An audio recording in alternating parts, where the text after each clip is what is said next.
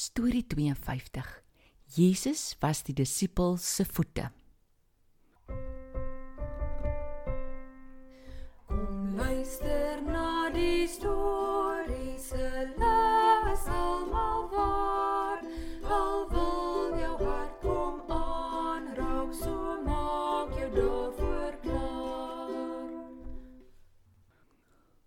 Hallo Tannie Karen. Hallo Tobias. En hoe was jou ete toe by jou maatjie se huis? O, heerlik. Ek het saam met die ete ook die storie vir hulle vertel van Maria dat Jesus se kot en soete geolie het. Hulle het so daai daaraan gehou. Tobias, weet jy wat? Ek het nog 'n storie vir jou van 'n ete met voete. Ek wil graag hoor hoe veel soete stories het Tannie. Dalk val daar nog uit. Maar kom ek vertel jou eers hierdie een. Een aand, so naby die Paasfeestyd, het Jesus en sy disippels weer saam geëet.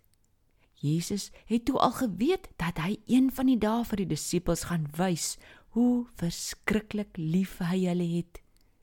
Maar voor daardie dag aanbreek, wou hy hulle nog graag iets leer. Iets leer van soete? Jy is reg. Die mense van daardie tyd het nie tekkies en stewels gedra soos ons nie. Hulle skoene was oop sandale. Dit het gemaak dat hulle voete baie vuil geword het van al die grondpaaie waarop hulle gestap het. Omdat hulle nie aan tafel op hoë stoele gesit het soos ons nie, was hulle voete 'n bietjie nader aan die tafel as ons in vandag. En vuil voete naby jou bord is darm nie lekker nie. Daarom het hulle die gewoonte gehad dat 'n slaaf eers gou almal se voete gewas het voor hulle begin eet. Wie das die slaaf van die disippels? Dis nou juis waaroor ons storie gaan Tobias. Hulle het nie 'n slaaf gehad nie en dus is hulle voete nie gewas voor ete nie. Nie een van hulle het ook aangebied om dit te doen nie. Jesus was mos die disipel se leier en leermeester en almal sou reken hy is die belangrikste van almal daar. Maar hy doen toe 'n eienaardige maar wonderlike ding. Hulle sit nog so aan tafel. Toe sien die disippels Jesus staan op. Hulle wonder nog waarna toe hy gaan. Toe sien hulle hy trek sy boonste kleed uit. Maar dis nie al nie. Hy vat die handdoek wat daar naby die deur is en bind dit om hom vas. Ek dink die disippels het gestaar na hom en gewonder wat gaan nou aan. Die volgende wat Jesus doen is om water uit die kruik te vat en in die voetewaskottel te gooi. Ek dink die disippels het toe regtig begin frons. Hulle wonder en frons nog so Toe kniel Jesus by die eerste disipel se voete en begin was dit lekker skoon. Toe droog hy dit af met die handdoek wat hy om sy lyf vasgeknoop het. Die disippels was stom van verbasing. Hulle het gedink: "Wat maak Jesus? Eintlik moes een van ons die voete gewas het, nie hy nie."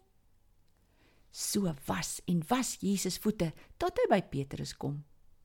Soos ons al van ou Petrus leer ken het, het hy altyd iets te sê. Here, gaan U my voete was? Nooit. Nee, U sal in der ewigheid nie my voete was nie. Dalk was Petrus skaam vir sy vuil voete. Maar toe Jesus vir hom sê dat hy moet, anders is Petrus nie Jesus se disipel nie wou Petrus sommer hê Jesus met sy hande in gesig ook was. Wat sê Jesus toe? Jesus het vir hom verduidelik dat hierdie voetwassery ten minste twee dinge beteken. Die een ding is dat Jesus alleen ons kan skoonmaak van ons sonde, net soos water ons vuil afwas. As ons vir Jesus kies om ons Here te wees en hom vra om ons te vergewe, dan was hy ons skoon van al ons sonde. Maar ons doen soms weer verkeerde dinge en dan is dit amper soos om net jou voete weer te was. Die res is skoon. Ons vra dan net vergifnis vir daardie verkeerde ding. Dis fantasties wonderlik. En die ander betekenis dan nie? Die ander betekenis van die voetwasery is dat ons vir mekaar moet help en sorg. So wys ons vir mense ons is lief vir hulle. Jesus het hulle so in die oë gekyk en gesê: As ek wat julle Here is, julle voete was, moet julle mekaar se voete ook was. Maar dan dit teken dit ons moet ook mense se voete was. Tobias.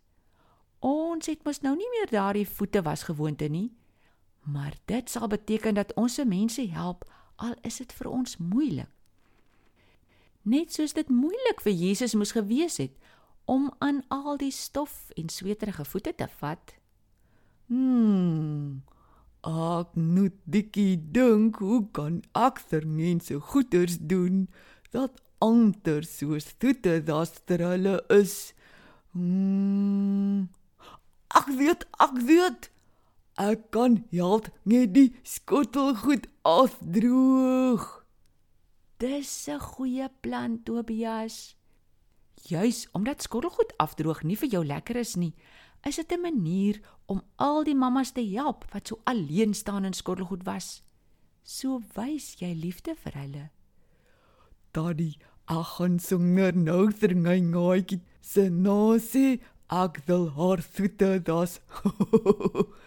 maar ek sal daarin verduidelik dis 'n ander manier om te sê ek sal die skottelgoed afdroog.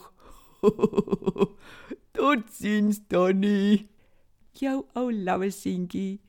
Totsiens, tot volgende keer.